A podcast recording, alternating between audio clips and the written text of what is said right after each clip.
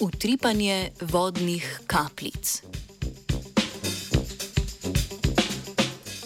Švedska znanstvena skupina je v reviji Physical Review Letters objavila izsledke raziskave svetlobnih vzorcev, ki nastajajo pri obsevanju izhlapevajočih kapljic z vidno svetlobo. Kompleksen spektr so pojasnili s kvantno-mehansko analogijo in kapljico teoretično opisali kot svetlobni atom z vrtilno količino, tuneliranjem in vzbojenimi stanji.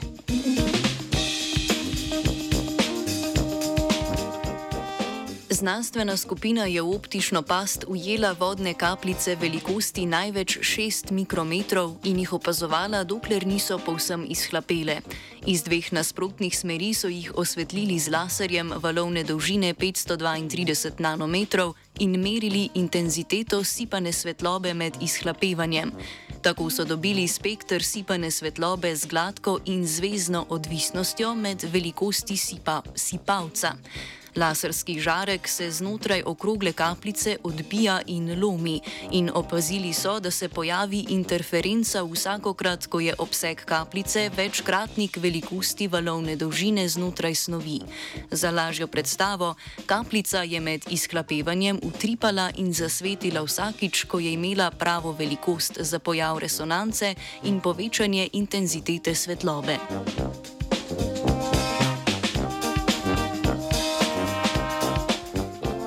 Navadno bi se interpretacije rezultatov lotili z numeričnimi simulacijami resonančnega spektra in jih primerjali z rezultati eksperimenta. V preteklih študijah je znanstvena skupina kvantno-mehansko analogijo uporabila le za razlago posamezne resonance, tokrat pa jo je razširila na cel spektr resonanc, ki je odvisen od velikosti sipalca. Med drugim so opazili, da so resonance izhlapevajoče kapljice podobne energijskim nivojem atoma. Ugotovili so, da je oblika resonančnega spektra rezultat enostavne končne sferične potencialne jame.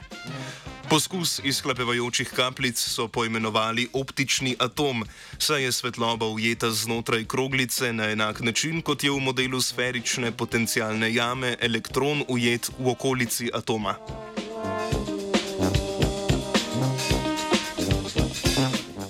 Za konec avtorji in avtorice komentirajo, da se periodičnost resonanc lahko uporabi za do nanometra natančno sledenje velikosti kapljice.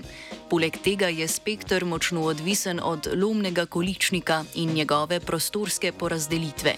Pristop, ki so ga uporabili v študiji, bi zato lahko bil uporaben kot merilo bioloških ali kemičnih snovi na površini hlapljivih kapljic.